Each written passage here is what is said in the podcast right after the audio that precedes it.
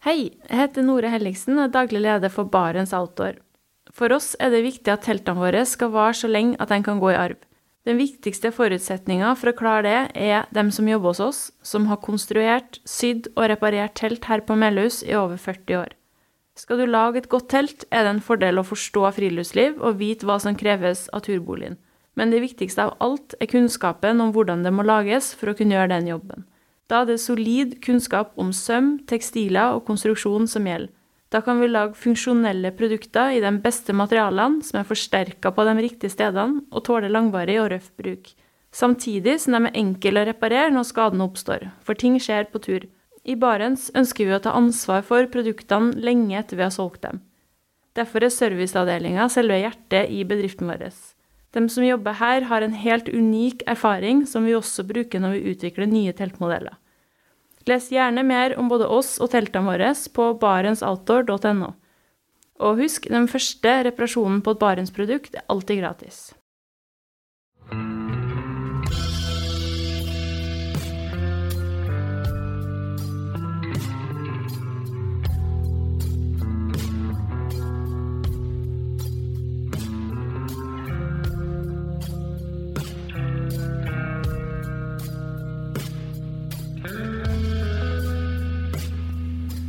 Hei og velkommen til podkasten Uteliv.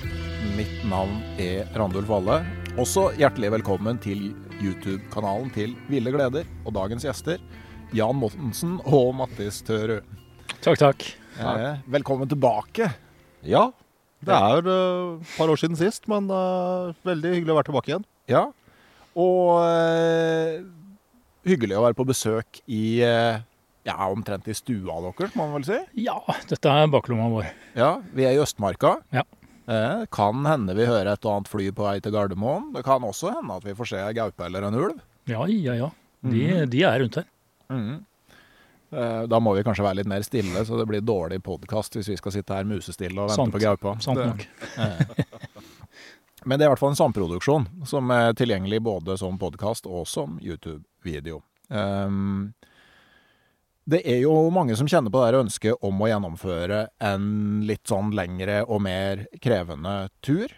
Og så er det òg ofte sånn at man da har et ønske om å gjøre noe ut av det her turprosjektet. Altså kanskje en blogg, en YouTube-serie, eller kanskje man sikter mot TV, magasinartikler eller bok.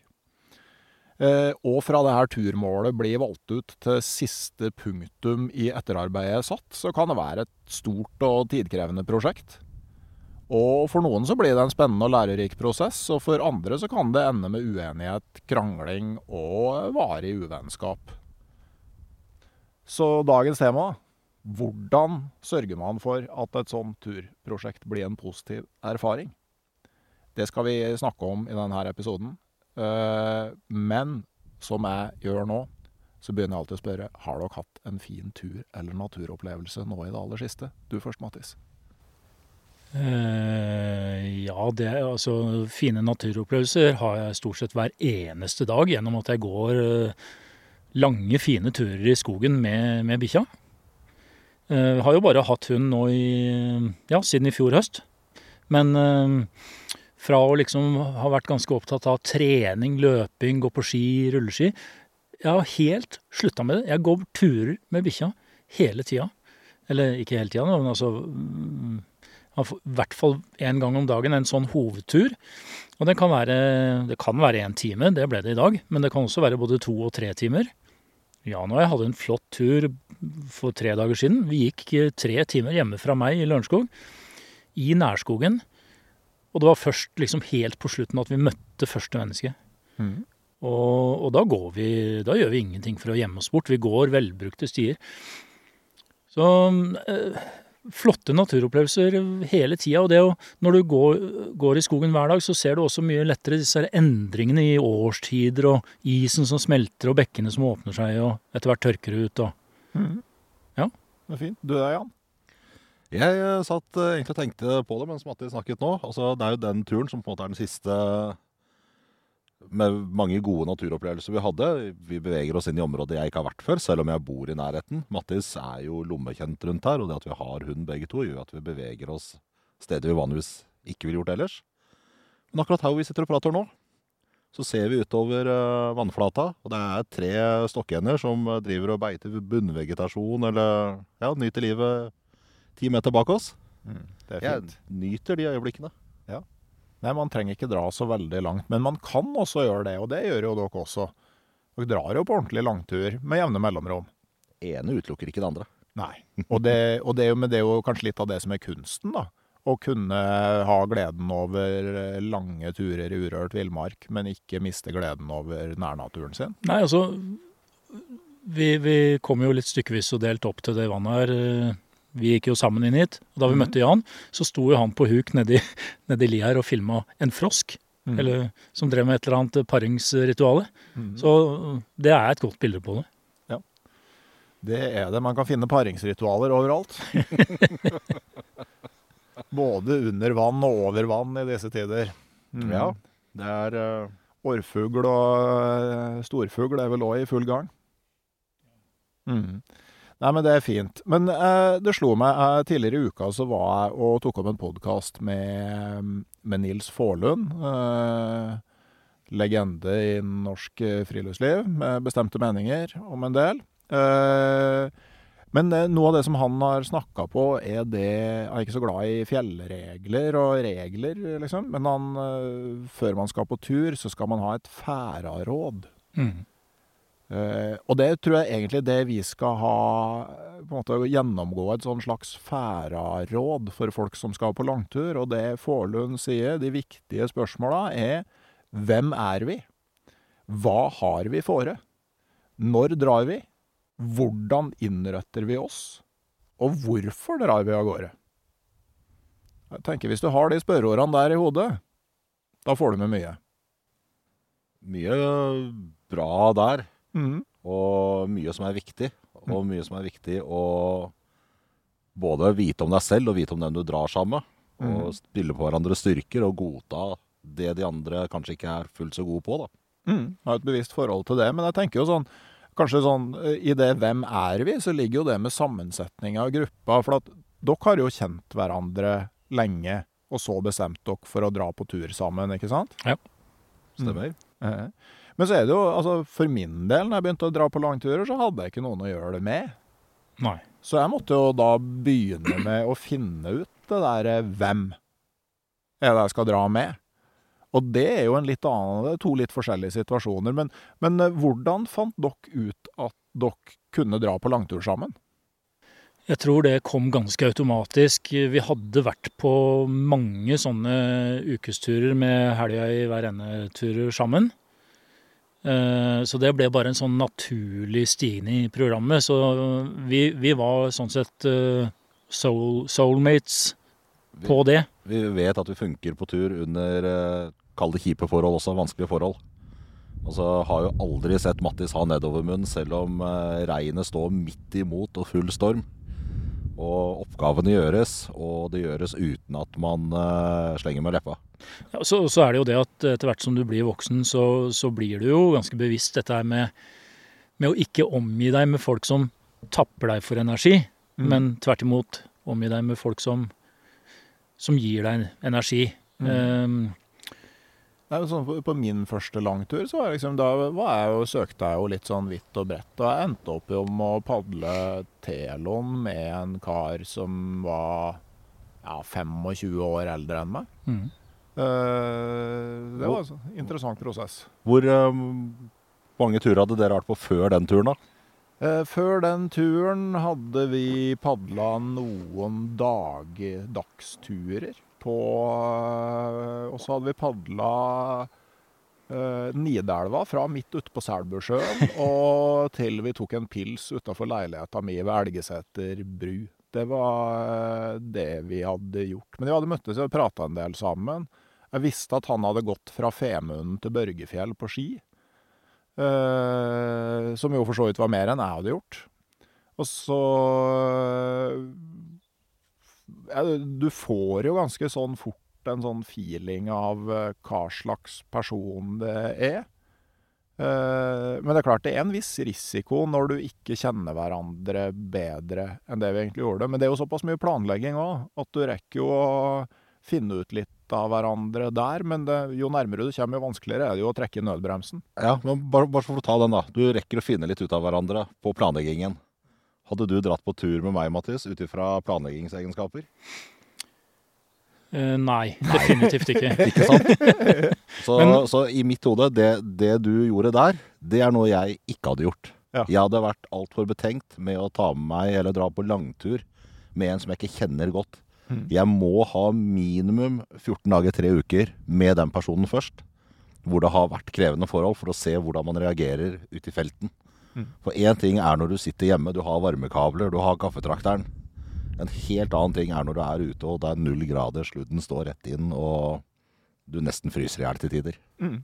Nei, Jeg er for så vidt enig i det. at Jeg hadde jo flaks med at uh, Mons var en utrolig bra fyr. Og så var jo uh, det ulempe det. Altså, hvis jeg ikke hadde dratt med han, så hadde det ikke blitt. Nei, Og så hadde du vel kanskje en viss uh, grad av utvikla magefølelse? Ja, altså, jeg, jeg tror ofte at uh, Og så er det litt sånn typen person, altså uh, Du merker litt, altså. Altså, er det noen som uh, Altså sånn, Henger man seg opp i problemer, eller og, og på en måte er man raus med ting under planlegging? Du merker en del, men, men du vet ikke eksakt hvordan det blir. Men du kan jo snakke om sånne ting, da. Altså sånn eh, at du i hvert fall har eh, tenkt på det. Men, men ideelt sett skulle vi ha eh, gjennomført en kanotur sommeren før. Men eh, han jeg skulle dra med, han kjøpte seg leilighet, da. Og det, det var helt uh, ukompatibelt med å padle Telon River og betjene det lånet samtidig det første året. Hvor var dere i forhold til uh, færarådene til Nils Forlund? da? Nei, det, det var vi ganske gode på, da. For at, ikke sant, altså, vi var nå dem vi var. eh, og så snakka vi gjennom, for da begynner vi å prate gjennom ikke sant, hva er styrkene og svakhetene. Jeg hadde padla Karasjokka og, tel, nei, Karasjokka og Piteå som bakpadler. Mm. Uh, og jeg hadde lest meg opp på elvepadling, da. Sånn at uh, du kan jo ikke lære elvepadling fra ei bok, men du kan jo lære uh, Altså, du kan vite hvordan den teknikken du etterstreber, er. Mm. For det er jo, altså sånn, Du kan ikke lære langrenn fra ei bok heller, men hvis du forstår at det er diagonalgang og ikke passgang som er det du skal etterstrebe, Mm. så er på en måte sjansen større for at du skal komme ut med en teknikk som er fordelaktig. Mm. Så hadde du bl.a. forstått det der at mange som tror du må padle fortere enn strømmen ikke sant? for å kunne styre. Men det må du ikke. Du må ha fart i forhold til strømmen, men den kan like gjerne være bakover. Mm. Og da har du mye mer kontroll på hvor du, du gjør av det. Så, så vi ble fort enige om at eh, OK, det, vi, vi kunne gjort det litt sånn demokratisk at begge to skal lære å sitte bak, men så fant vi ut at da spiller vi på den styrken der. Ja. Eh, og så var jo da Mons eh, veldig på ønska han. Sa at for hans del så var ikke det med å padle stryk eh, liksom noe sånn kick og mestring ved det. Det var ikke, det var ikke han ute etter i det hele tatt. Sånn Mm. at eh, han kom til å ha ganske sånn lav terskel for å line eller bære. Det er jo viktig å snakke om. altså for, for forskjeller på risikotoleranse kan jo fort bli veldig slitsomt på en eh, lang tur. Altså Det er noe som dere har snakka om?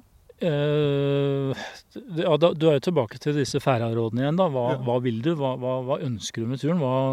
Det det, har det snakka vi mye om. Det har vi gjort egentlig i hvert fall før alle de tre turene vi har hatt til Canada eller Alaska, så har vi snakka mye om er vi ute etter mye bjørn? Er vi ute etter primært fiske? Eh, Er det strykpadling som gjelder? Og, og gjort ordentlige vurderinger på det, da. Men der er vi også inne på det med risikoer, og vi diskuterer jo det åpent. Og så blir det jo gjerne den som altså, Føler man seg utrygg, så skal man ikke gjøre det, uavhengig av hvem det er. Mm. Jeg er jo kanskje litt mer cowboy enn eh, de andre, og har flere ganger uten problemer gitt meg på at ok, men da gjør vi det på den trygge måten. Mm. Som sikkert er lurt. Jeg trenger noen som holder meg litt tilbake innimellom òg. Ja, du er jo på en tur hvor du i mindre grad enn eh, på en tur eh, her hjemme f.eks. har et sikkerhetsnett. Du, ja, vi har satellittelefon, men det er jo slett ikke sikkert du er på et sted hvor det går an å bli henta ut. Nei. Kanskje ikke været eller terrenget tillater det. Mm. Eller det er for langt, eh, for langt vekk. Ja. Så du må kjøre Lars pleier jo alltid å si at vi må unngå VG-forsidene. Mm, ja, det, det er jo klart. Og, men, men det med altså, hva turen skal være, det handler jo også veldig mye om hvor god tid du skal ha, tenker jeg. Ja. Altså, vil, Hvis noen vil dekke mest mulig kilometer, og andre vil fiske og ta naturbilder og mm. sånn, ha litt tid til å nyte en rolig kaffekopp og sånn, altså det, det bør man være enige om før man uh, setter kursen. Absolutt. Og det, det er vel noe av det vi gjør i planleggingsfasen. Finner ut hvor langt det blir, og så skjønner man om dette blir en forflytningstur, eller om det blir en eh, rolig, ren feelgood-tur. Mm. Og så er, det, er dette greit, og hvis ikke så må vi justere litt på planen. Men uh, alle er eh, omforent med hvor, hva slags type tur det blir. Og så tenker jeg at man kanskje må, Jo flere man er i ei gruppe, jo mer formell er det kanskje lurt å være i sånne beslutninger. Altså Er man to og tre, så vet man hva man har snakka om. Altså Mm. Er du mange, så eh, kan du til og med vurdere å liksom felle ned noen grunnprinsipper skriftlig, tenker jeg. Ja. Altså, Forlund sier vel noe om at uh, er du, altså egentlig sånne grupper fungerer dårlig hvis de er større enn seks personer. Ja, det tror jeg på. Mm. Definitivt. Så tre Ellie-kanoer er jo eh, et maksimum, da, kanskje. Ja. Det høres mer enn nok ut for meg. Mer enn nok. Ja, jeg tenker òg det at eh, altså det er jo flere på en måte, meninger om hvordan ting skal gjøres. Altså flere personer som har en tanke om hva de ønsker, og større sjanse for at uh, noen ikke er fornøyd. Mm. Og så er det jo noen som er veldig Ja, syns den delen av planleggingen og organiseringen er, er helt topp. Og det å planlegge liksom ja, rotasjon på hvem som padler med hvem, og hvem bor med hvem og alt dette der. Eller organisering av, i leiren. Hvordan sitter vi rundt bålet? Altså, Ja. eh, veldig langt unna mitt friluftsliv, men, eh, men jeg vet de som finner stor glede i det og får det til å funke. Mm. Og all, all eh, respekt for det. Ja, og Det er jo kanskje også noe å føle på etter hvert som man blir mer kjent. Og så finner man jo ut av altså, i hvor stor grad må ting planlegges for å fungere, og i hvor stor grad uh, finner ting sin, uh, sin form. Mm. Uh, men, men noe man, som det kan være lurt å snakke om, er jo altså, å bli enige om de økonomiske rammene for Ja. ting. Altså hva skal det koste? Eh, det betyr liksom både hvor du skal, og noen har kanskje lyst til ei hotellnatt etterpå, mens andre tenker at det er helt uaktuelt at uh, her bor vi på camping. Ja, nei, altså, Det må jo være helt avklart, Mm. sånne ting. En kar jeg jobba litt med, som sa at altså, det folk blir uenige om, det er penger. Mm. Eh, Jeg er ikke nødvendigvis 100% enig i det. Det kommer veldig an på hva slags folk det er. Altså, men hvis eh, Der òg så bør man jo liksom finne ut altså Hvis folk er nøye på at det skal være likt, og at kronene teller, Mm. da må du jo ha en eller annen sånn form for regnskapsførsel.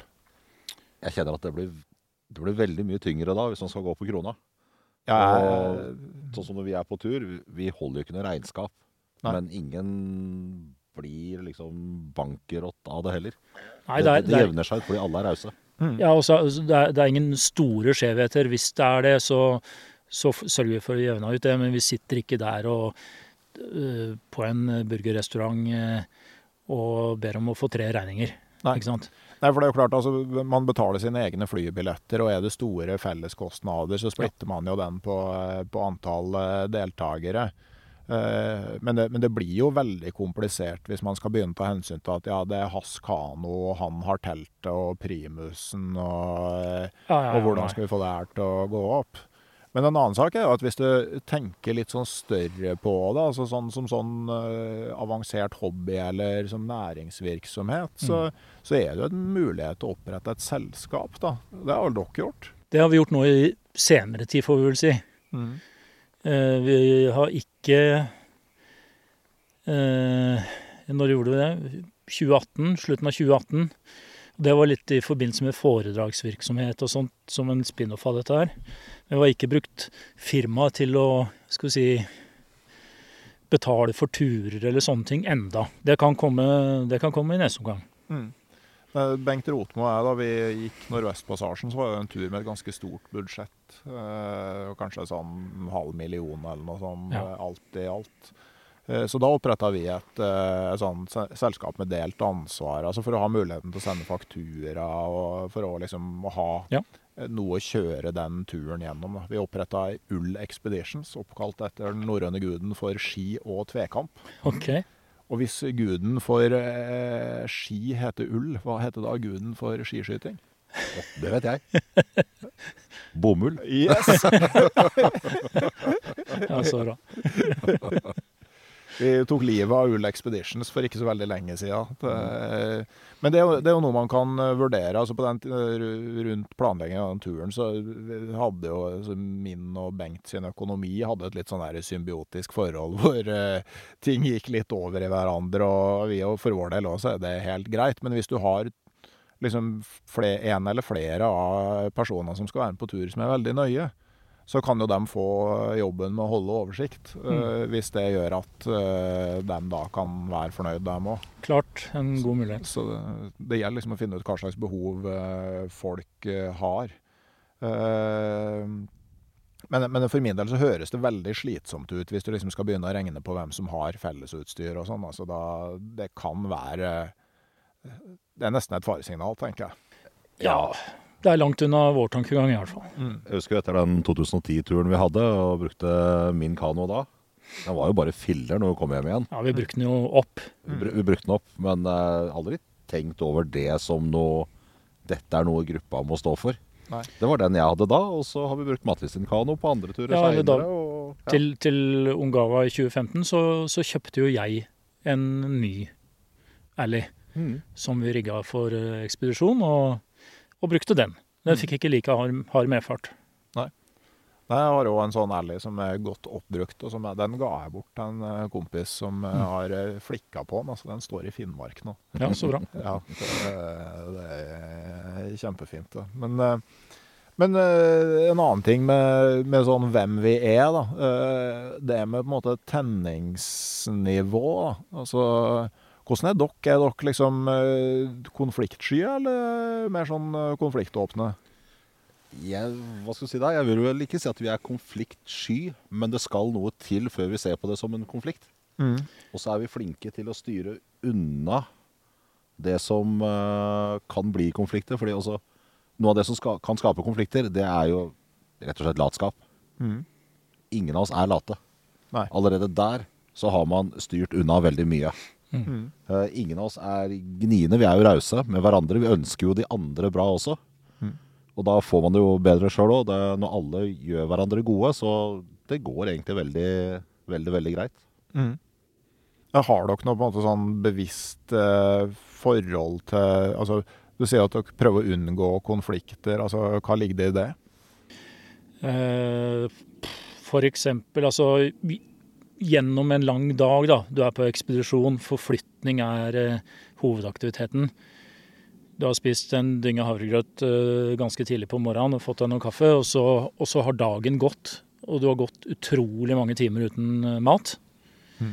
Det er en, eh, en sjokolade på innerlomma kanskje gjennom dagen. Og når du da kommer i leir på kvelden, og det er vått, det er kaldt, du er sulten, du er lav, og det er en million grunner til å bjeffe litt på hverandre, egentlig, Mm. da altså vi, vi lager ikke noen regler på det, men eh, vi er ganske bevisst at vi ikke eh, Skal vi si Hvis en, eh, hvis en tar fiskestanga og bare stikker av gårde da Ja, det, er- det er ikke akseptabelt. Nei, nei altså det, er- det, er- jo ikke, det er jo ikke tema. Nei. Men, ikke men da ville det blitt dårlig stemning. Mm. Med mindre det er en avtalt del av, av jobben. Ja. For det kan det også være. Mm. Skaffe noe mat. Så vi har vel egentlig som en sånn uskreven regel, i hvert fall under de fasene her, at hvis du ikke har noe positivt å si, så kan du la være å snakke. Mm. Uh, og hvis man har noe som man må ta, så ta det etter at man har spist.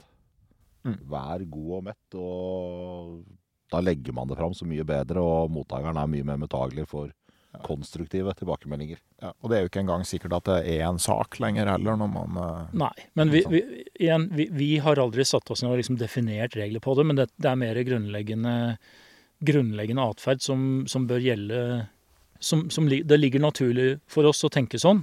mm. Og vi kunne sikkert også vært mye flinkere til å ta det med inn i hverdagen, da. Og, og, og jobb.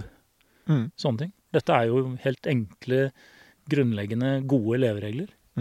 Det er for så vidt sånn med planlegging, altså det du sier om, eh, om mat og sånn. Altså det eh, Jeg vet ikke om jeg har nevnt det her før, men jeg husker en sånn gruppe som dro hvor det var eh, for å padle, og det var noen som var i skikkelig godt hold. Mm. Og så var det noen sånn O2-snappere, utholdenhetsidrettfolk. Og så skulle alle ha like mye mat. Og den var planlagt ut fra de som var i godt hold. Og det, det er jo faktisk noe å tenke på. At Ja. det er ikke sikkert at uh, alle har behov for like mye mat, eller fungerer like godt på de samme rasjonene. Nei, så der, der igjen kommer det liksom hva, hva, Hvordan har du planlagt det? Vi, uh, vi konfererer ikke med ernæringsfysiologer, eller uh, vi, vi setter ikke opp kaloritabeller og, og sånne ting. Vi, men vi har vært på tur før. Vi vet hva som funker Mhm. for hver av oss til frokost, og vi vet hva som funker til lunsj. og og middag, eh, hvis du ikke har fått fisk, og eventuelt tilbehør og supplement av supper eller beef jerky eller sånne ting. Mm. Og så går vi inn i den butikken på siste utpost før vi kaster lås. Og vet hvor mange dager vi skal være ute. Og så handler vi. Og det tar kanskje en halvtime. Ja. Hver vår handlevogn. Alle handler det de vil. Mm. Og så er vi eh, sosiale underveis. Altså vi legger jo Normalt så legger vi jo maten i en haug og spiser sammen, lager mat sammen.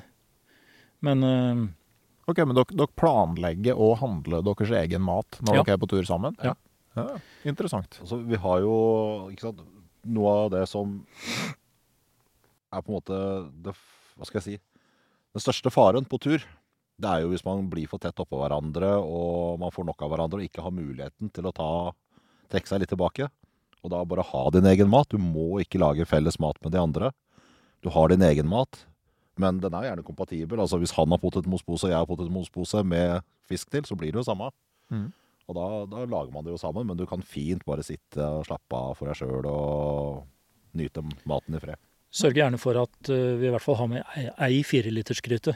Sånn at vi liksom kan lage den der felles fiskegryta eller fellesdynga med potetmos hvis, hvis det er litt forskjellige preferanser.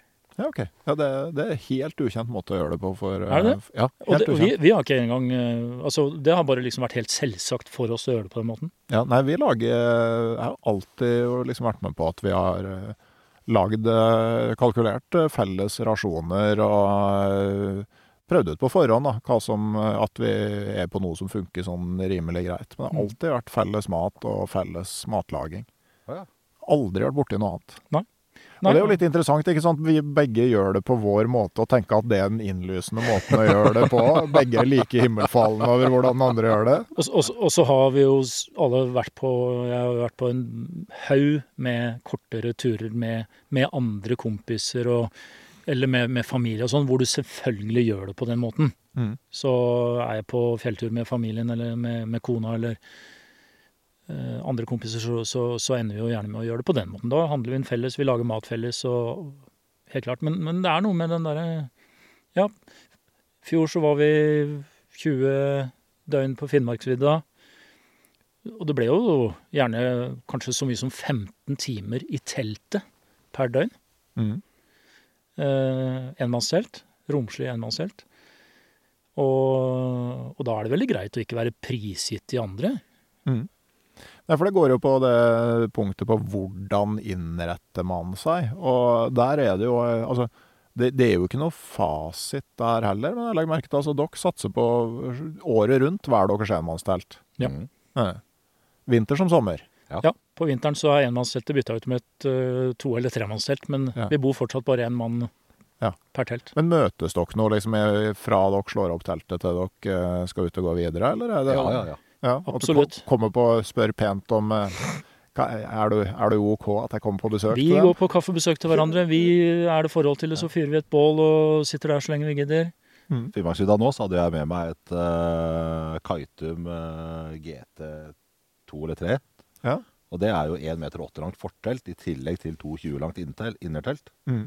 Og hadde både Lars og Mattis inn der på kaffe og sjokolade, og ble det et samlingspunkt. Mm. Lage en liten sånn landsby oppe på fjellet. da. Ja. Og du har liksom forsa landsbyens forsamlingslokale. Jeg har eh, Hva heter det da vikingene hadde, hadde samla seg? Langhus. Langhus, ja. Jeg hadde Ja. Langhuset. Ja. Og passe på at teltene ikke står nærmere 50 meter til hverandre. Snorker dere så høyt? Nei, men det er noe med det å ha litt avstand òg. Og det Ja. hender jo at noen av de andre drar tømmer, da. Jeg er jo tyst som graven. Ja, det, det, det er ikke jeg. Ikke jeg heller. Men når dere øh, kjører, altså kjører hver mann sin egen mat, og hver mann sin egen bolig, og hver mann sin egen fuel altså, Sin egen utrustning på alt. Ja. I, altså, det er jo også uh, høyt nivå av sikkerhet på det òg. Mm. Og så hvis vi skulle føle for å Jeg har lyst til å gå opp om det vannet, kanskje vi ses om et par dager hvis man begynner å gå lei. Det har ikke skjedd, men vi har muligheten. Mm. Vi klarer oss sjøl hvis vi skulle komme bort fra hverandre. Ja, og er det ordentlig ordentlig møkkavær, så kan, så kan du trekke deg inn i hvert, hvert ditt telt og, og lage maten der. Og det, og det har vi jo gjort flere ganger. Mm. Nordland på langs, eller nesten på langs for mitt vedkommende, eh, så hadde vi jo et par sånne dager. Og, og det var jo veldig befriende. Og gutter, vi, vi dropper å sette opp den tarpen i det været her. Vi bare, vi bare, vi bare snakkes i morgen. Mm. Ja. Klokka var seks på ettermiddagen, ikke sant. Men jeg syns jo på en måte den der eh, kveldsmuligheten til å prate litt i telt om kvelden, og det å våkne og koke kaffen sammen om morgenen og sånn, jeg synes jo det er sånn gylne øyeblikk i mitt turliv. Altså for min del så hadde, hadde det blitt en del ting jeg virkelig kom til å savne, hvis man rigga det på den måten der. Ja, Men da, der har vi tarpen. Ja, ja. Og, og vi er eh, Jeg tar vel ikke munnen for full når jeg sier at noe av det viktigste vi på en måte kan, det er jo å fyre bål. Under omtrent alle slags forhold. Og når du får opp et godt bål, og står under en tarp, da har du samlingspunktet.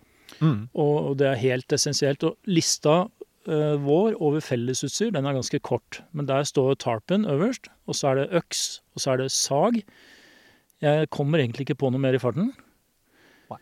Men tarpen eh, Altså, vi har, vi har jo av og til måttet jage gramma litt mer enn andre ganger, og øksa kan du klare deg uten. Du har kanskje en samekniv. Eh, legger en saga. Det løser seg. Men tarpen, den blir alltid med videre. Interessant. Men sånn, eh, når dere er på en tur øh, Altså, det er greit nok det der at øh, den som er mest forsiktig liksom, Hvis noen er, den, den som er mest forsiktig, skal bli hørt. Men så er det ikke alltid at det er åpenbart hva som er Som reelt er det mest forsiktige. Altså, jeg tenker hvis du legger ut på en skitur, da, og det blåser stadig sterkere og noen enten vil stoppe og slå leir, eller kanskje snu, Mm. så er det ikke nødvendigvis Altså, hvis du har gått i medvind, så er det ikke noe bedre å snu og gå mot igjen vinden. Og hvis du ligger oppi et pass eller skredfarlig terreng, altså det å slå seg til akkurat der man er altså, tenk, hvordan eh, Det er jo da det blir vanskelig å ta avgjørelser i ei gruppe. Der har vel vi en høy grad av selvinnsikt, og vet hva vi er gode på og ikke gode på, og stoler ofte på de lengre turene på hva Lars sier. Naturlig nok, han har en viss grad av erfaring, Ja. men uh... Han, han, han, er vel, han er jo da samtidig ekstremt pedagogisk. Lars er en veldig dyktig pedagog. Så han, han er alltid tålmodig og lar oss gjerne finne løsningen sjøl, eller i hvert fall bidra til å finne den, og gjennomføre den. Det kan være sånn dagligdagse ting, særlig i begynnelsen av, av, det prosjektet her, hvor, eh, hvor vi ikke hadde all verdens erfaring med, med elvepadling, f.eks. Liksom, skal, du, skal du padle? Skal du bære? Skal du line? Mm. Skal én padle og en annen gå på land med bagasjen? Ikke sant? Det, skal du gå kanoen ned stryket? Det er utrolig mange mulige løsninger, da. Mm. Men sånn tankeeksperiment, da. Altså, Sett at dere hadde bytta ut Lars med en person som ikke var århundrets nest største, eller 1900-tallets nest største villmarking etter Helge Ingstad. Ja. Det, da blir det ikke riktig så enkelt. Altså når eh, Jeg tenker jo sånn som, uh, for å gå tilbake til Færaråd, at kanskje en nøkkel kan være å ha en samling om morgenen. Eh, hva er det vi skal gjøre i dag? Altså Den samme sånn Hvem er vi? trenger man kanskje ikke å snakke om hver dag. Det er jo et, eh, et dårlig tegn hvis man må begynne, begynne med det hver dag. Men, men hvor, hvor er det vi skal? Eh, hvordan har vi tenkt å gjøre det? Eh, hvordan er det med måte, tidspunktene? Altså, at man går gjennom dagens etappe og ser litt på sånn, ikke sant? at her har vi kanskje et sånn point of no return. Når vi kommer dit, så må vi fortsette dit. Og, det, det gjør vi jo også egentlig i stor grad. Ja. Altså, eksempel Nordland på langs. Vi hadde kommet oss godt inn i fjella. Vi eh, hadde valget mellom å gå over et fjellpass, Mm. som jeg hadde lyst til, eller eh, gå mange timer rundt. Som er den trygge løsninga. Mm. Og merka jo fort at eh, det var ikke stor stemning for å gå over det fjellpasset. Og når jeg våkna opp dagen etter og så tåka lå der òg, så tenker jeg det var greit å gå rundt. Ja, Da, regnet men da har vi diskutert eh, Tåka lå nedpå. Mm. Ja, og tåka lå, lå langt nedover fjellsiden. Og ja, Så da, da har vi jo gått gjennom ruta, og vi tar avgjørelsen sammen sånn røftlig hvor vi skal gå osv. Mm. Men igjen, ikke sant, altså tenke gjennom eh, kanskje folk som kjenner hverandre mindre og sånn. Altså, at man da trenger kanskje et sånn daglig kjapp planlegging, snakke seg litt gjennom eh, dagsetappa. Altså hva, hva er det vi har foran oss, eh, hva er det vi må tenke på. Eh, at man da står bedre rusta til å finne ut hva som er det tryggeste valget når man plutselig står der, da. Jeg tror kanskje det beste da er at det ikke er noen typisk alfahanner i Ja. gruppa. Ja, vi, vi har jo da, som, som du er inne på, en stor fordel at vi har på en måte en mentor med oss. Mm. Vi har han, han vi kan støtte oss til hvis vi er usikre. Eh, Vi har en, skal ikke si garanti, men en, allikevel en slags garantist for de gode avgjørelsene. Mm. Men du spurte jo om eh, Eller du, du nevnte jo hva, hva, hva hvis vi ikke hadde med en type som Lars? Mm. Og 2010-turen, som kanskje var den fysisk mest krevende, og også padleteknisk mest krevende, det var jo en, det var jo en tur Jan og jeg i utgangspunktet planla å dra på alene. Det hadde Mm. kanskje ikke blitt akkurat der, men vi skulle til Canada i 2010. Mm. Og det at Lars ble med, det, det var jo noe som kom opp etter at vi hadde befesta det. Så dere hadde vært gjennom mye av de pratene her på Nei, nei. nei. Men, men, men sett at vi hadde reist alene, så ville vi nok fått veldig altså på en, på en sånn ekspedisjon så er det jo en million eh, dilemmaer du kommer opp i, valg du må ta. Og da ville nok eh, vi fått mange flere diskusjoner, hvor jeg typisk ville vært den som holdt igjen. Jan ville sagt nei, nei, vi, vi setter utfor det stryket her, det går fint. Og så ville jeg holdt igjen, og så potensielt så ville det kunne blitt kanskje litt mer diskusjoner. Nå nå får vi jo da gjerne alltid støtte av Lars for å, for å heller Nei, vi better safe than sorry, som han alltid sier. Mm. Ja. Så, så det er jo klart at eh, men, men det å, jo, som du sier, Jan, altså det å unngå den der alfahannen, og det har jeg tenkt òg, altså den som alltid skal være tøffest, og, eh, og det handler jo om å gi et sånt klima i ei gruppe som gjør at alle tør å si hva de faktisk mener. Mm. Det, det er viktig. Og det skal jo Jan ha. Han, han, han er alltid ydmyk. For vi har, jo, vi har jo veldig mange av de avgjørelsene som han og jeg må ta i fellesskap, fordi vi er stort sett da eh, nære makkere. Mm. Eh, Så det, vi, har, vi har jo aldri hatt, tror jeg, ikke som jeg kom på, noen sånne eh, tyngre diskusjoner. Da, vi, vi har alltid blitt enige, og du har alltid respektert eh, mitt synspunkt eh, hvis det er å holde igjen og heller safe. Og samtidig så vet jeg også at de gangene jeg har latt meg overtale til å, til å bli med på galskapen, så, så er det jo Han, han er jo komplett kapabel til det. Han er, jo, han er jo så kompetent, ikke sant. Men eh, sånn når vi snakker på sånn eh, risikofaktorer, ikke sant, og, det å Altså sånn det- at samholdet i gruppa kan, eh, kan sprekke. Altså Det er jo veldig greit det derre At det ikke lar seg påvirke av at man er sulten, at man er kald. Altså Det er veldig ofte det som måtte, er en trigger til Det er en treningssak. Det er en Ja. treningssak. Definitivt. Det tenker jeg òg. Og det er jo en bevisstgjøringssak. Mm. Eh, og det er viktig at man har snakka om på forhånd. Ja, og, og trent på. Altså, vi har jo dagjobber. Eh, går jeg på jobb, jeg har spist et par brødskiver om morgenen. Hvis ikke jeg får lunsj når klokka er halv tolv, så, så er jeg jo helt ødelagt. Vi er så styrt av de rutinene. Eh, på en ekspedisjon hvor forflytningspresset er høyt, så, så har du ikke tid til å holde på sånn. Men du, du fyller opp lagrene skikkelig, skikkelig, skikkelig morgen og kveld. Og, og vi har eh, Altså, det er eh, faktisk ikke noe problem. Dette hadde jeg aldri trodd jeg skulle si hvis vi spoler 15 år tilbake i tid. Men det er ikke noe problem å gå ti timer uten mat. Nei. og du klarer å jobbe, og du klarer å ta de gode avgjørelsene. Eh, Vi har mye mer å gå på enn det vi tror, da. Mm. Nei, Jeg har jo vært, vært med på å gå tom for mat på tur. Ja. Eh, Det var Hilda på New Zealand. Sånn at når vi starta på den siste etappa inn til folk, da spiste vi et måltid på ettermiddagen som var 100 gram ris på deling. Og så drakk vi vann til middag.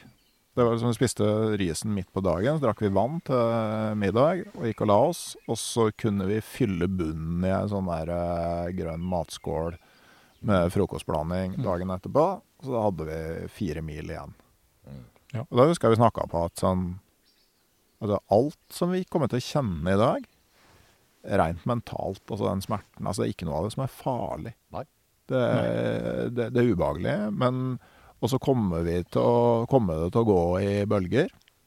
Av og til føler du deg rimelig grei, og så får du liksom sånn skikkelig down-perioder før du får i gang fettforbrenning og sånn. Og, og viktig da at man klarer å holde kjeft, for den andre kan være inne i en ganske god periode som man da lett kan Ja. rives ut av. Det gikk jo helt fint. Ja. Og det jeg merker er eh, altså, Jeg er jo en veldig laidback type. Det kan jo alle skrive under på.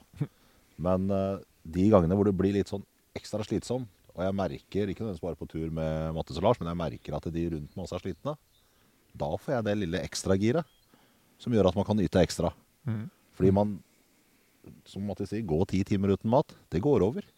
Du får mat, du får snudd hodet ditt til å tenke positivt allikevel, og så ser du fremover på det som kommer, og så tenker du også at dette blir gøy å fortelle om når jeg kommer hjem. Mm. Det er ikke gøy å bare fortelle solskinnshistorier. Du må ha hatt noen utfordringer, ha litt motstand på veien. Men, men, men det sagt, altså, det er ikke noe mål å legge opp til at du hver dag skal gå ti timer uten mat. Og, og det går på fettforbrenningen løs. Du vraser vekk til å komme hjem som et beinrangel. Det, det er ikke noe mål. Vi har jo gjort det òg. Men, eh, men innimellom så vil du oppleve det. Og uansett på en Skal du være ute en måned og bære maten din sjøl, eller ha den med i kanoen altså, du, du kan liksom ikke ha med deg nok mat. Det, du har ikke plass. Du har ikke, du har ikke kapasitet til å få med deg den maten du egentlig trenger. Så du må godta mindre rasjoner, mindre, færre mål, måltider. da. Mm. Kjenne litt på sult innimellom. Ja. Mm. Det er bare sunt. Det er helt overbevist om. Ja, jeg tror i hvert fall ikke det er veldig usunt. Men eh, når dagen er over, da, og man har fått i seg mat og eh, sånn, har dere noe sånn mer systematisert gjennomgang av liksom Altså noe sånn forum for å komme med tilbakemeldinger til hverandre, eller er det bare helt uformelt? Det er helt uformelt og ikke noe er planlagt eller Men det blir jo ofte en sånn naturlig liten debrief av eh, dagen. Mm. Det gjør det. Mm. Gjerne hvis noen har gjort noen tabber. Det er gøy. Dvele litt ved dem. Uansett hvem det er. Det, det er greit. Hva er den- beste tabba du husker fra Mattis, da? På stående fot, Nå er jeg eh, spent. Mm? Nå er jeg spent. Nei, på sånne fot er det ikke så mange store tabber han har. Jeg, jeg har mer lyst til å trekke fram en, noe som kanskje svei litt ekstra for Mattis. Jaha. Det var i 2010-turen hvor uh, Mattis fikk uh, Ja, den røya, ja. tidenes største røye på. Han har aldri sett så stor røye, verken før eller seinere. Altså, det, det er ikke fleip engang. Og vi sitter jo sammen med kano. Mattis får den på kroken og får etter hvert lirka den inn til kanoen. Og jeg skal hjelpe til. Bare Yes, kult, kult, kult! Så tar jeg tak i røya, og så får jeg dratt den opp, ikke sant? Og så bare Yes, her har vi den! Så skal jeg ta kakken i huet. Og så slår jeg så hardt at jeg glipper den, og så forsvinner den. Han brukte, brukte den der gummiklubba som følger med Erlend, og mokka til den, og borte var den. og Lars, han rakk dessverre ikke filme det. Han var litt langt unna, men han oppfatta hva som skjedde. Han, han holdt virkelig på å kantre, for han lo så fælt. Du hadde, hadde allerede sett for deg hvor bildet av deg og den røya skulle henge i stua. Vi snakker vidvinkel for å få med den røya Altså, jeg, jeg gjorde det av sikkerhetsmessige årsaker, for kanoen hadde blitt for tung. Ja, takk, Jan. Takk. Men det lukta fisk av eh, henda til Jan, så jeg, jeg, jeg loggfører det som en eh, fisk på land. Vi har ikke noe film av det. Jeg syns ikke vi kan gjøre det, Mattis. Du, du hadde ikke fått jobb som klepper med den søknaden der, i hvert fall. Nei, det glepp, glepper, tenker jeg. Hadde Mattis vært en engelsk lord, så hadde du vært stoppa ut og stått ved siden av rustningene på eh, jaktslottet. Ikke gi det ideer nå. Nei, men, men altså, det er jo en tabbe, det derre gnagsåret som felte meg Nordland på langs. Hvor jeg liksom 20 dager ut i marsjen, eller et par og 20 dager ut i marsjen, har feber om natta. Eh, lymfene i lysken hovner opp, eh, blodforgiftningen er på full gang pga. et lite møkkagnagsår som uten problemer kunne vært eh, avverga, hvis man bare hadde Men da tenker jeg at da, da er det kanskje ikke så godt kameratskap å le veldig mye av det, liksom. Nei, det var ikke noe- Det, det lo vi ikke av heller. Nei. Det er ikke ofte jeg har sett eh, Jan blank i øya, men det var han den morgenen jeg stakk. Ja. Det er jo ikke bare den sure bjørkebollrøyken. For at humor er jo veldig viktig. Alt å si, og du skal kunne fleipe med det meste. Du må også tåle å bli flei- fleipa med. Definitivt. Og så må man også kanskje da Altså det å samtidig ha den der eh, Den der teften for de sjeldne tilfellene at nå tror jeg kanskje han bare skal få lov å ikke bli fleipa med akkurat nå. Ja, ja. Uh, og, det, og det der er kanskje sånn eh, når man ikke kjenner hverandre så godt som dere gjorde før dere begynte på tur, da. Ja, og, og bare tenk deg den risikoen det er med Lars og jeg som brødre. Og så kommer Mattis inn som på mange måter kaller tredje hjul på vogna. Mm. Det er vel egentlig femte hjul på vogna, men eh, likevel. Ja, ja. Kommer inn som tredjemann i en med noen som har kjent, Jeg har kjent Lars hele livet, bokstavelig talt. ikke sant? Så da, men det har jo fungert veldig, veldig bra. Mm. Det er ikke noe forskjellsbehandling. Jeg, jeg la jo Lars få gjennomgå akkurat like mye som Mattis. Her er likt til alle. Ja, ja, ja. Jeg deler ut øst og vest. Og så er jo ikke sant det der, eh, Sånn humor kan ta veldig mange former. En, eh, en annen kar som er godt eldre enn meg, som er på tur med. Har en tendens til å havne på tur med dem som er eldre enn meg. Uh, meg og så Jan Eilert Peder, som jeg intervjua noen ganger. Vi har en sånn klubb for folk som mentalt er 70. Det, vi blir stadig mer aldersadekvat ettersom åra går. Men, men han syns det er veldig morsomt å harselere egentlig litt med det der at du alltid skal være så positiv og eh, sånn. Så han kan liksom våkne opp og si Huff, det er mygg her. Jeg skal aldri ut. og den er ganske sånn djup, for den, den, hvis du ikke forstår den, så kan du jo bli helt psyka ut. Jeg kjenner meg jo igjen. Vi har, vi har jo mye av den type humor. Altså Kall det galgenhumor eller eh, ironi, da. Ja, Og så hvis jeg for eksempel får trekke det litt langt, da. Drar opp den feite ørreten, holder den opp i solnedgangen, og det er varmt og fint, og så kommer det bare fra Mattis. jeg Jan. Hver en glede skal med sorg fordrives. Ja, da Vi passer på å ta det litt ned, da. Viktig å ikke bli for høy på pæra òg. Ja, ja. Ingen fare. Nei, det er ingen fare i det selskapet der. Ja. Neste gang han holder opp fisken sånn, så kan du finne gummiklubba og slå den midtfjords. Ja. Ja. Den ene tjenesten er den andre verdt. Ja, ja, ja. Men, men dere har altså ikke noe sånn fast oppgavefordeling når dere kommer til camp? Men vi vet at tarpen skal opp, det skal hogges ved, det skal fyres bål, telta skal opp. Eh, Det er et sett med oppgaver. Og det kan ta en halvtime, det kan ta en og en halv time. Mm. Men det er klart at det blir jo ekstra enkelt for dere når dere Altså Det er jo egentlig bare tarpen og veden, og så altså, det, skal hver mann ordne sin egen camp i tillegg. Det jo, det Ja, det tar, jo, det tar jo tre minutter å smekke opp et enmannstelt. Mm. Og det, det, er gjerne, det er gjerne det første vi gjør. Mm. Vi begynner med å bare sette opp telta. Mm. Er det regnvær, så slenger du inn soveposen og bare får ting inn der. Og så kommer tarpen og, og, og bålet etter hvert.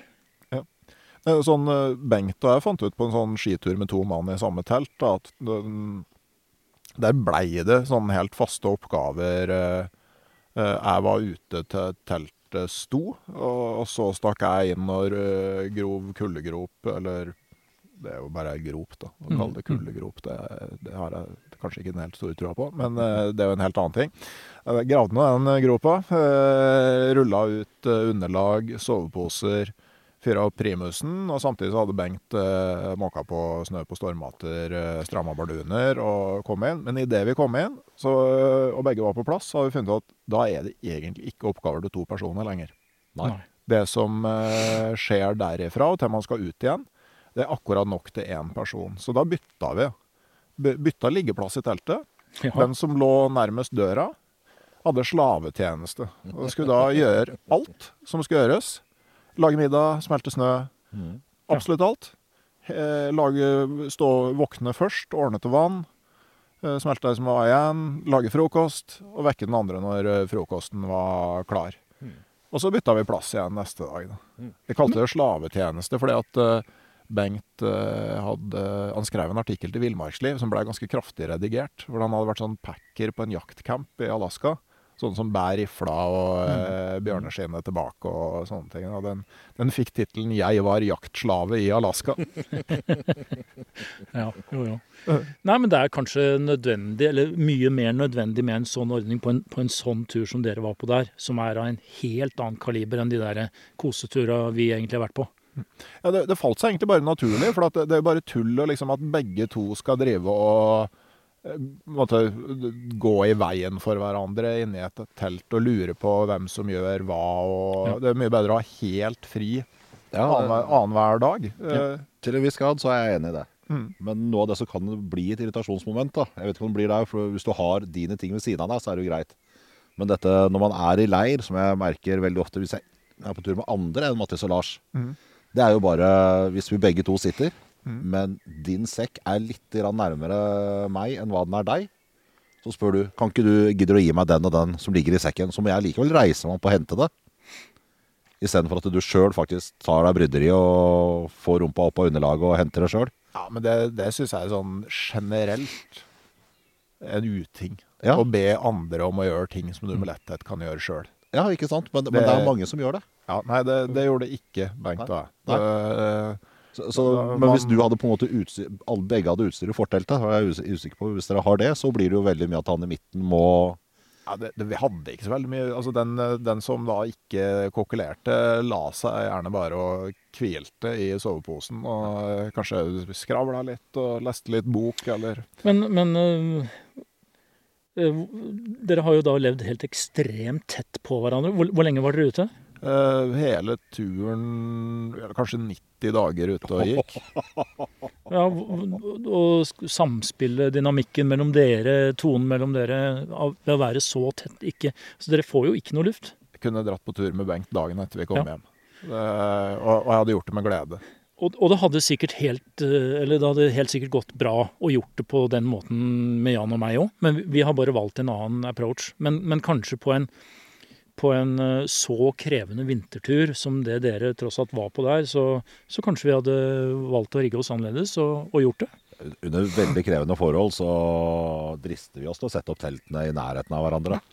Ja, ja, ja. Ofte, ofte snakkeavstand. Ofte Ja. innen synsvidde. Det- Nei, vi har hatt teltene så å si inntil hverandre noen ganger òg, Ja, men det Ja, nei, jeg, tenkte der var, var det helt eh, fint. Men jeg, men jeg tenker òg det er eh, eh, Det er jo det er jo luksus å få være liksom, på tur med en eh, kar som Bengt. Da. Altså, det, det, det er veldig uproblematisk. Altså, er Veldig sånn eh, lun og raus fyr inni alt skjegget. Det, så, eh, det, det som var kanskje det mest alarmerende, var at jeg begynte å plukke opp sånne hverdagsgloser etter hvert. Det, det var kanskje eh, eh, sant, er dialekt, jeg, jeg er jo et sånn dialektisk katastrofeområde i utgangspunktet. At, eh, og det gjorde jo ikke saken bedre. Nei. Ja, men det er jo ofte sånn at eh, de som har skjegg, er fine å dra på tur med. Ikke sant, Mattis?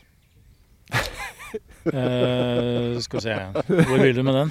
Nei, Du sitter nå der glattbarbert og Ja, men det er jo fordi jeg er eh, noenlunde sivilisert og Men uh, hallo? Så, så Mattis er hyggelig å være på tur med etter ei uke. ja, Da begynner det å komme seg. Ja, ja. Det er ikke, ikke som, eh, var det ikke Ove Aundli som dro glattbarbert ut på femmila og kom inn igjen med helskjegg? Jo, han var han alltid sånn blåsvart. Ja. Eller er det, er det jo fortsatt. Ikke så Bare et par- par-tre år siden er det sånn. Ja. Så, nei, men eh, jo jeg, mer voksen jeg blir, eller jo mer erfaren jeg blir, jo mindre behov har jeg for å, for å gro det skjegget underveis også. Ikke da at jeg har barbert meg underveis, Nei. men jeg kan gjerne barbere meg dagen før jeg drar. Amundsen hadde med barbermaskin på eh, Sydpolferden, sånn opptrekkbar, så vidt Det jeg hadde den helt sikkert. For det at uh, skjegg han vet, det var en uting i polare strøk. Mm. Der var jo absolutt alt eh, kalkulert ned til minste detalj. Ja. Jeg tror ikke det var mye som gikk på gefühlen der, altså. Men det, det var jo Altså, det, det, eh, det kom ofte tilbake til den turen her, men det var kanskje Ja, det, det var Det var imponerende. Mm. På sin måte. Ja, på sin måte. Mm. Det, så.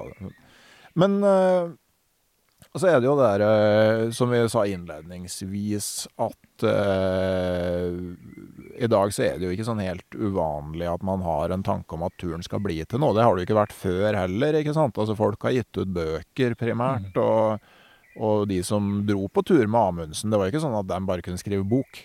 Sånn, haha, her kom boka før deg. Det, det var ikke helt det som var dealen. Eh, og, og også i dag så skal man vel tenke litt gjennom det dersom man eh, har en plan om at en sånn tur skal bli noe, eh, bli noe i ettertid. Altså, Ja. eh, eksempel med Dock, altså sånn eh, Der har det jo vært TV-produksjon. Altså, De to første turene vi gjorde, 2010 og 2015, i den settingen her, da var det foreløpig, eller på det stadiet, ikke noe plan om at det skulle bli TV av det. Det var private gutteturer, finansiert av hver og en av oss.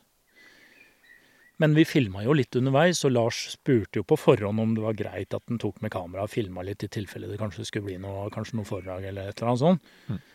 Ja ja, selvfølgelig. Men det var ikke noe mer Det var ikke noen større plan rundt enn det. Og Jan og jeg hadde jo våre dagjobber og var fornøyd med det. Og hadde ikke noe Vi, vi, vi ville på tur, vi. mm, Og det var og er eh, drivkraften bak det. mm, Så kom jo NRK på banen og hadde fått kloa i materialet og ville jo gjerne eh, at vi dro på en tur til, som da ble i 2016. For da kunne de lage en, en serie av det, en sesong. mm. Og, og så ble det jo en sesong to også.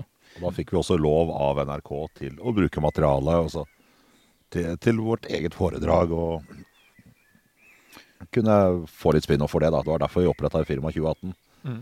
For, å, for, det første så er det gøy å formidle. Det er gøy å stå på scenen der og fortelle om turene og de fantastiske opplevelsene vi har. Og at det faktisk ikke er så vanskelig å komme dit og få de opplevelsene. Mm. Det er dørstokkmila som er verst. Mm.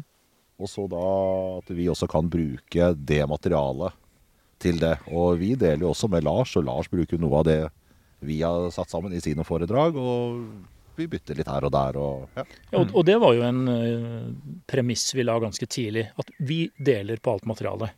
Mm. Men vi har også en sånn skal vi si, gentleman's agreement oss imellom og, og i forhold til NRK, at vi, det er veldig begrensa hva vi deler fra en ikke enda publisert tur.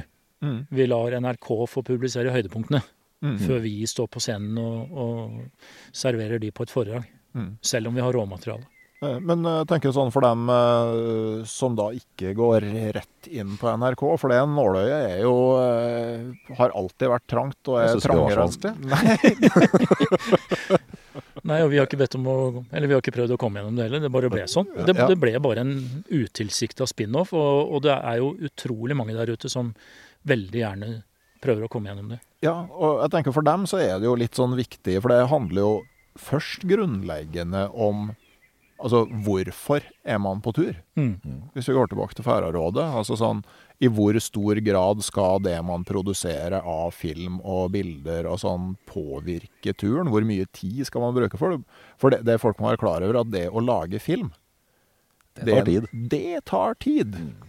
Eh, og, og, og det er jo kanskje det første man må avklare. Altså sånn, Har vi tenkt å gjøre noe som kan brukes profesjonelt ut av det her? Altså, Så kan det jo eh, Hvis du skal på en tur som i utgangspunktet er antyda tar fire uker, så bør du sette av seks uker. Ofte så går vi jo enkelte strekninger av det vi filmer, de går vi fem ganger. Ja. Ja. For å få det til å henge sammen på film. Ja, Først skal du prøve, og så ble det litt feil utsnitt. Og så skal du ta nært og fjernt og Ja, du skal jo gå forbi kamera, og så må du snu kamera. Da må du gå tilbake igjen ikke sant? for å gå forbi kamera igjen. Og det, Mm. så skal du tilbake igjen og hente kamera. Mm. Så ja, det, det blir noen ganger fram og tilbake. Ja, så, så det er kanskje det første. Og så kommer jo òg det litt sånn her rettighetsmessig? Ikke sant? Altså, hvem er det som skal filme? Hvis det er øh, altså, Nå hadde det ikke vært noe problem mellom Mattis og meg, men jeg vil jo tro at for veldig mange så må det avklares godt på forhånd. Mm. Hvis det er en som overhodet ikke har interesse av det, altså er du og jeg drar på tur, så tenker jeg det er naturlig at begge kan kunne bruke det. Mm. Begge kan kanskje bruke det til å gjøre noe sammen også, men også hver for seg. Mm.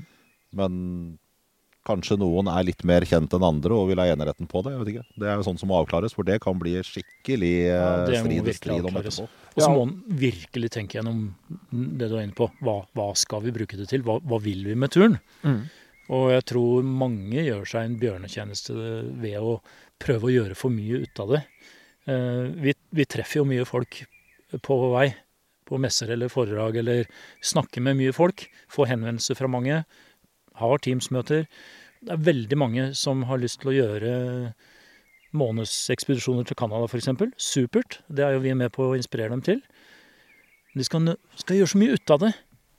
Og det jeg tror vi alle, eller de aller fleste av oss har et sterkt behov for, det er å, det er å formidle, eller dele gode opplevelser. da. Mm. Eh, og hvis en kan på en måte nøye seg med det, da. Mm. Og ja, del. Eh, men finn, for, finn et format som er levelig. Og sorry, Lars har eh, Enn så lenge så har han tatt store deler av det markedet. Det er, døra, Nåløyet er trangt, det er vanskelig for andre å, å komme gjennom. Mm. Uh, han står jo og roper på Kom igjen, utfordre meg. Nå er det på tide at andre tar over. Eh, Ja, så kan du jo si, og så har jo da Jens Kvernmo gått gjennom nåløyet og eh, Heldigvis. Ja, og eh, på et vis eh, tatt den plassen som ligger som, som ligger bak der, da, og, og gjort det enda vanskeligere for andre å, å komme etter. Så det er jo liksom Uh, og når du hører historien til Jens òg, så er det jo Han har jo gjort noen fantastiske turer, men han Ja. var, var jo på riktig sted til riktig tid. altså Fikk en vei inn hos NRK med den første det han hadde filma en hel vinter. Mm. Det var ikke en fireukerstur, det var en hel vinter han hadde Ja. filma.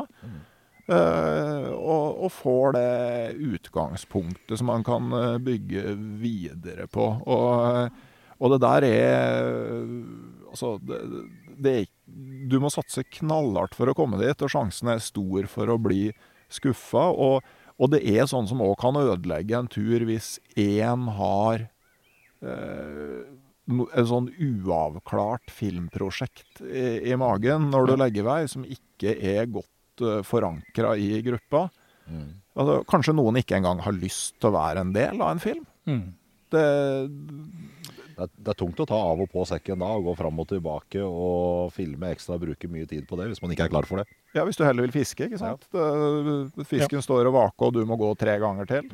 Og det, det har jo vi kjent litt på, at vi har jo måttet fosse forbi masse gode, gode fiskeområder og kulper fordi vi har gitt oss et for høyt eh, kanskje forflytningspress, som da ytterligere det blir forsterka av, av at det tross alt tar noe ekstra tid å filme.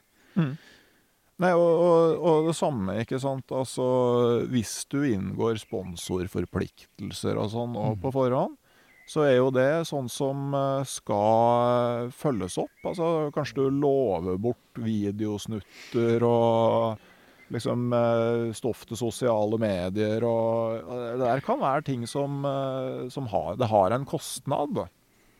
Absolutt. Og det, og det er jo faktisk noe av det viktigste du kan gjøre hvis du er i startgropa og du klarer å få sponsor. Lever godt til den sponsoren, altså. Det er Mm. altfor mange som slurver med det, og som ikke gir noe tilbake når turen er over. Mm. Og det, da sager du av greina du sitter på, for det sprer seg. Ja. Nei, det er, det er altså Hva er det de sier liksom på, på engelsk? Under promise and over deliver. Altså sånn Lov mindre enn du tror du klarer å levere, og lever mer enn det du har sagt du skulle gjøre. Mm. Det, og, men, men det er jo? Det er kanskje noe av det som for mange er aller vanskeligst å motivere seg til. Det arbeidet som skal gjøres etter du kommer hjem. Kanskje du har lova testrapporter, du har lova bilder. Mm. Du har lova at du skulle skrive artikler i lokalavisa, for der kan du jo slippe til, ikke sant? Og så er faktisk ikke turen over når du eh, kommer hjem igjen. Og der òg tror jeg eh, veldig klare avtaler Eh, og kanskje òg at eh, man dermed aksepterer at altså hvis noen syns det her er moro, og jobber med sponsorer og øh, jobber med eh, formidling og sånn i etterkant, at ja, da, da er det kanskje dem som skal få gjøre det. Men du, du har jo sagt det sjøl tidligere, husker jeg, eh, i forhold til det med, spon med sponsorer, da. Eh, ja, det er klart du kan, du kan få støtte, du kan få, få gode priser på utstyr, og kanskje du til og med kan få noe gratis utstyr. Men jeg, jeg tror det sitter langt inne å, å hente penger da, fra sponsorer, med mindre det er rene almisser fra firmaet til faren din eller et eller annet sånt. Så du har vel sagt det sjøl, dette med å skaffe deg en ekstrajobb, det er antageligvis en mye kortere vei til målet. Det behøver ikke være så dyrt. Altså, vi, eh, vi pleier å si at uh, du kan fint dra på en månedsekspedisjon til Canada med et totalbudsjett på 30 000, gitt at du har stort sett det du trenger av utstyr. Og så blir det kanskje 40 eller 50 før du er ferdig, for det var de der hotelldøgna i hver ende. og Nei, det, det, det er et poeng, det. altså. Men at, tenker du å måte bygge noe litt mer varig, sånn som dere gjør med Ville gleder, da. Ja. Så, så må du tenke, snakke veldig nøye gjennom hva du vil. Altså, og tenke også sånn med rettigheter til bilder og sånne ting. Det er jo ting Én ting er jo nå og i morgen og neste år, men hva om ti år? Ja. Eh, Ja da. Altså, og, det, og det blir jo litt sånn hvor forskjellig fra, til perso fra person til person. Altså Bengt og jeg har liksom aldri egentlig snakka så mye om det, men vi har vært ganske sånn rause på å gi hverandre muligheter. Altså, jeg har brukt bildene og gjort ting rundt det. Altså, Bengt åpna jo en del av Nordøstpassasjen som er guida skirute.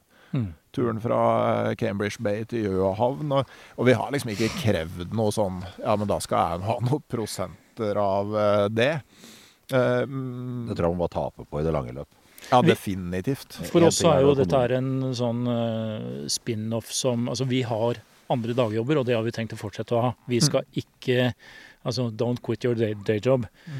Eh, og det var Lars som pusha og motiverte oss, og, og pusha når det gjaldt de foredraga. Det var jo noe vi, vi fikk jo veldig god tid nedover John River i 2018. Mhm. Og, og begynte å snakke om det. Og vi hadde også ei uke etter at vi kom i mål. Den elva rant jo altfor fort. Så vi satt uh, veldig mye på eh, puben i Talkitna Og lagde jo disposisjon til hele foredraget. Mm. Og så jobba jo vi som svin utover den høsten med bearbeiding. Altså punkt én, bygge historien. Uh, og, og så må du begynne å jobbe med bilder, filmklipp. Og vi øvde hundrevis av timer. Det var mange, mange scenenetter Mye jobb. Mm. den, den høsten, før vi kasta oss utpå og arrangerte et par sånne generalprøver. Blant annet på jobben min. Mm. Fikk 50 stykker en ettermiddag i, i auditoriet. Mm. Og Lars snek seg inn bakveien og satt bakerst med capsen nede i panna. Og kom med noen veldig konstruktive tilbakemeldinger etterpå, da. Men sånn, det, det her det er jobb med det, og, og igjen, altså avklar på forhånd. Mm. Spesielt hvis, du, hvis noen i ei gruppe har tenkt å gjøre noe av det. En, en viktig ting der òg er jo at eh, alle får en viss kontroll over historien. Ja, ikke minst. Mm. Men en annen ting òg er jo sånn som det firmaet som Mattis har, Ville Gleder. Det, det er så mange muligheter til at det kunne gått gærent. Fordi altså, Jeg prater jo meg selv og planlegginga litt ned. Men det er jo fordi jeg trenger ikke å planlegge. Jeg er ikke helt borte på det hvis jeg må. Men jeg, jeg trenger ikke, fordi Mattis er såpass flink på det. Han er flinkere enn meg til det, og han liker å gjøre det. Og sånn gjelder det også mye i firmaet av type det man kan kalle papirarbeid, selv om det er digitalt nå. Mattis har stålkontroll på det. Det er ikke noe poeng for meg å blande meg i det. Mhm. Men det er ikke noe tvil om at det er Mattis som bærer skjerven i det å drive det firmaet jo jo men nå snakker du om liksom, det, det med å lage storyen og redigere eller bilder og øve og alt dette her, det er jo på en måte den kreative prosessen. Men så er det den administrative prosessen. Altså Jan får jo Han, han blir jo fysisk dårlig hvis du nevner f.eks. ord som eh, Altinn. da kommer utsletta seg. Nei, men altså, han får panikk på sånne ting. eh, Eller frister, eller regnskapskontakt med regnskap, eller sånne ting. Og, og det er helt greit. Og det, det visste jo jeg på forhånd. Så det er jo ikke noe overraskende i det. Men, men han er jo øh, han er jo utrolig god til å levere foran kamera, eller på å være med på sparringen når vi har klippet sammen en snutt. eh, På å eh, Han, han har teft, da. Mm. Eh, og har jeg sittet og jobba gjennom et, eh, eh, et eh, en, en eh, sekvens og sender over, og så, så er de tilbakemeldingene Altså, han slipper det han har i hendene, han går gjennom det, og tilbakemeldingene er alltid spot on. Det er Mm. liksom veldig presist, og det, det, det er liksom alltid riktig. Ja, og, og det, det, det her handler jo altså ikke sant når man er ei gruppe, da, eller om man er to eller om man er flere. Altså det å klare å spille på hverandres styrker i stedet for å irritere seg over hverandres svakheter, det er jo en forutsetning for å få til ting. Ja, og det, og det er det mange Så man må bare erkjenne. Sånn er det. Mm. Alle Sånn. gjør ikke like mye, men sjuende og sist så er det ikke så stor forskjell allikevel. Altså det, og sluttresultatet blir så mye bedre. Ja, og det er jo uendelig mange potensielle irrita irritasjonsmomenter. Mm. Og, og de kan du dyrke fram, eller du kan bare styre unna og ja, gjør det du er god på. Mm. Det tror jeg er en bra ting å liksom, når vi nærmer oss slutten her òg. Altså det å eh, dyrke de positive sidene. Men, eh, men avklar også på forhånd. Det tror jeg er viktig. Altså, dyrk e- egenskapene til folk i gruppa. Avtale på forhånd, og la alle få en eh, hånd på historiefortellinga. For eh, det er jo mange som har fått sjokk når boka til ekspedisjonslederen kom, tror jeg, opp igjennom eh, årene. Altså som hvis du leser 'Sørpolen' av Roald Amundsen. Jeg husker ikke eksakt ordlyden, men når det er snakk på hvorfor Hjalmar Johansen og Presterud kom så seint tilbake, da de dro igjen eh, utover altfor alt Altfor tidlig utover på barrieren, så var det liksom 'gadd vite hva de hadde bedrevet', eller noe sånt. Det, det, som står liksom dem som kom tilbake langt ut på natta. Nei, det var, ganske, det var heftige greier. Så, eh, så unngå, unngå at historien blir eh, fortalt sånn. Jeg tror vi har kommet gjennom ganske mye her. da. Ja. Eh, Det har vi. Eh, har dere noen nye planer for ville gleder framover, da? Nei, altså vi For oss så er dette et berikende hobbyprosjekt ved siden av jobb og de andre tingene. Eh, vi holder litt foredrag. Vi er hyra inn som guider på et par turer som kanskje blir noe av. Mm. Hvis eh, de som arrangerer det, klarer å få, få, solgt, få solgt det. Ja. Eh, og så har vi vel kanskje altså Eller ikke kanskje. Vi, vi, vi har jo veldig lyst til å dra på en eh, ny langtur. Vi er, vi er enige om at vi tar en ny langtur. Den er på en måte spikra. Men noe særlig utover det er ikke spikra. Eh, Tid, sted og varighet. Er, liksom, eh, altså det, det er mye færaråd igjen. det er det, den, men, men, men, men i, igjen da så er det denne her barnslige turgleden som er drivkraften. Vi har nok lyst til å dra over Mm. for å oppleve det, de virkelig store urørte områdene. mm. Kanskje Vi- noen områder med litt historisk sus òg, eller? Vi har ikke noe TV Vi legger TV-biten av det død, på en måte. Monsen, Monsen og Mattis har vi ingen mer planer om å lage noe på. Så får vi se. Skal aldri si aldri, men vi har ingen planer om det. Og på Færøyrådet så vet dere altså hvem dere er og har en idé om hvor dere skal. Det, det er jo gjort unna eh, mange spørsmål allerede. Mye, mye kan gå bra. Ja, det er stort potensial.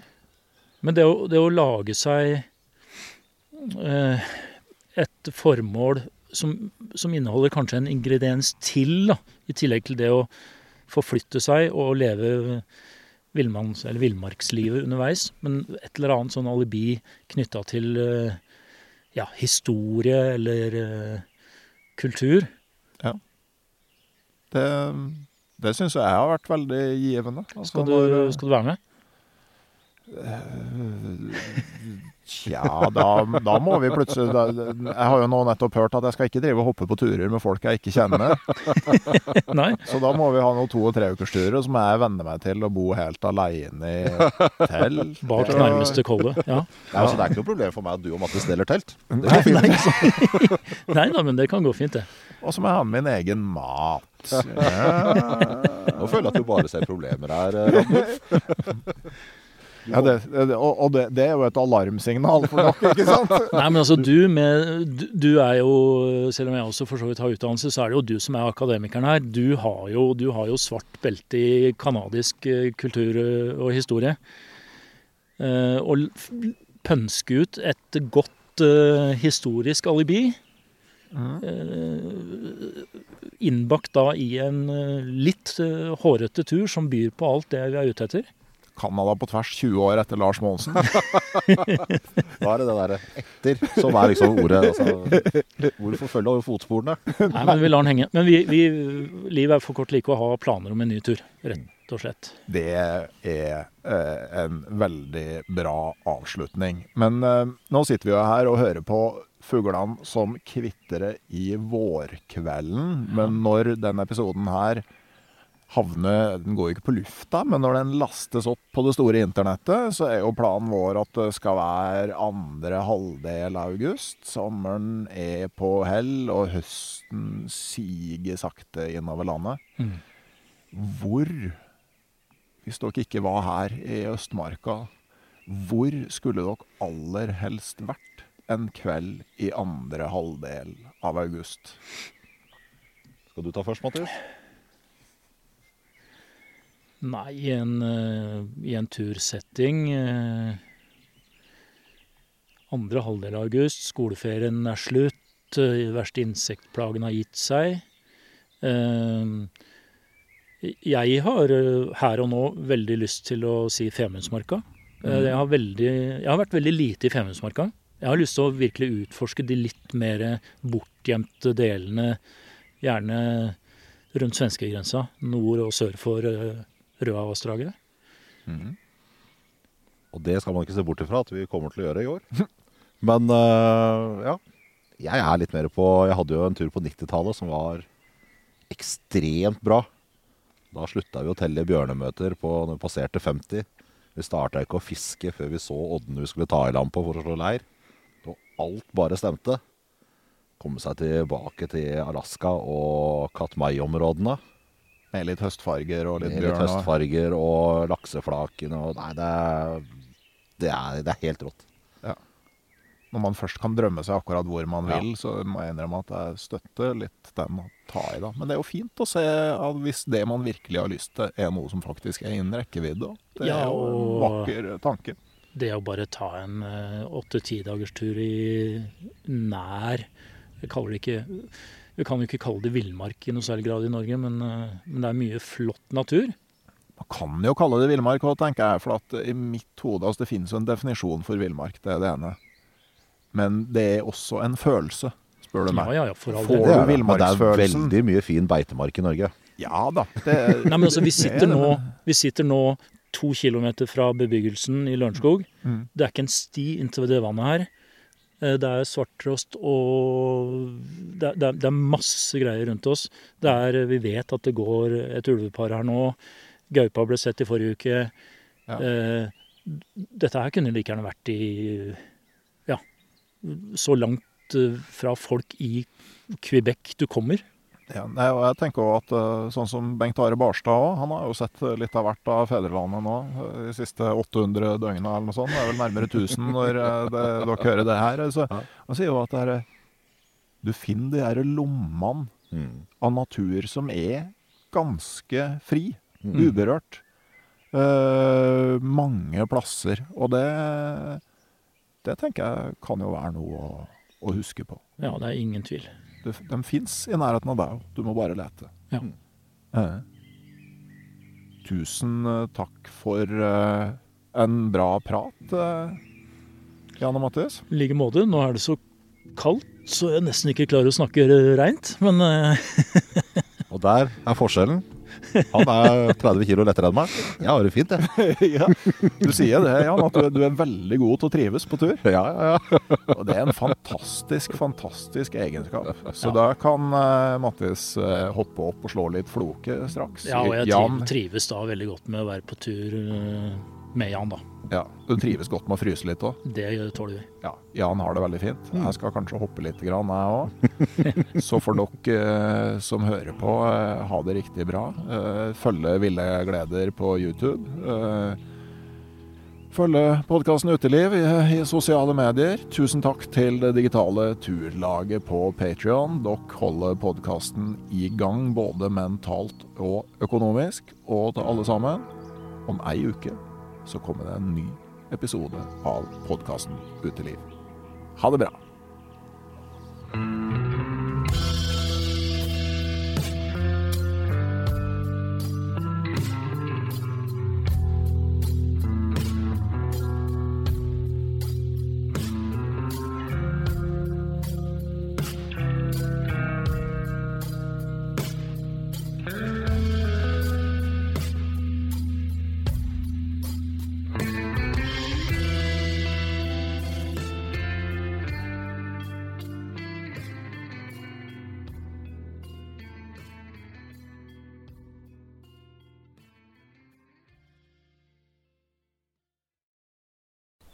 Hei, jeg heter Nore Helligsen og er daglig leder i Barents Outdoor. Det beste vi kan gjøre for planeten, er å redusere forbruket vårt og få mer ut av det utstyret vi allerede har. Men vi vet av erfaring at bruken av telt kan endre seg over tid. Det teltet du kjøpte for to år siden, passer kanskje ikke det behovet du har i dag. Derfor har vi i Barents etablert en egen panteordning der vi tar imot brukte telt av god kvalitet i innbytte når du kjøper et nytt av oss. Prosessen er enkel. På barentsoutdoor.no gir du oss informasjon om teltet du vil bytte inn. Basert på det får du et tilbud fra oss som gir deg rabatt på ditt neste Barentsprodukt. Mer info og betingelser finner du på barentsoutdoor.no. Og husk at den første reparasjonen på produkter fra Barents er alltid gratis.